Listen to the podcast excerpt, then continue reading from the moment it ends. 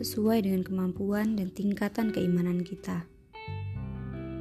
Bagi mereka yang baru berhijrah, menutup aurat, istiqomah, memakai hijab, mungkin adalah ujian yang berat baginya.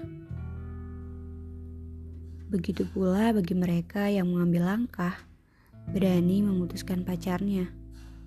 Maka, ketertarikan terhadap lawan jenis akan menjadi ujian yang berat baginya.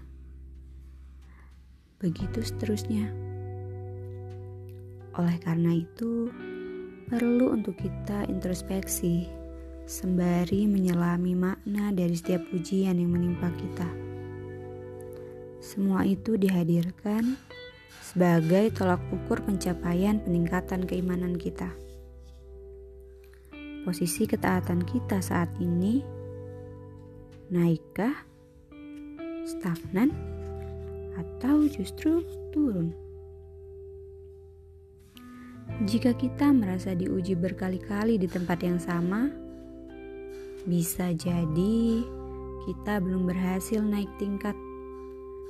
Sebab seseorang tidak akan diuji dua kali pada hal yang sama, kecuali yang pertama belum tuntas dilaluinya. Tentunya, jika berhasil dilalui, sudah bukan menjadi ujian lagi, kan? karena yang namanya ujian itu pasti sulit.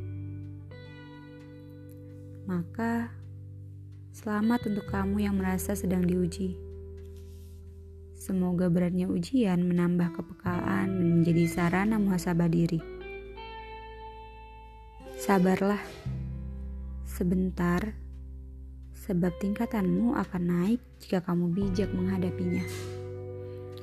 Semoga seringnya kamu diuji pada tempat yang sama, mampu memantapkan hatimu pada syariatnya.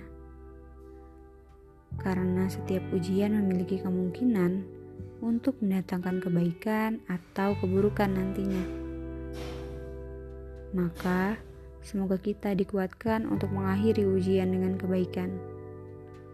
Sabarkah atau menyerah dan berbalik arah? hanya kita yang menentukan.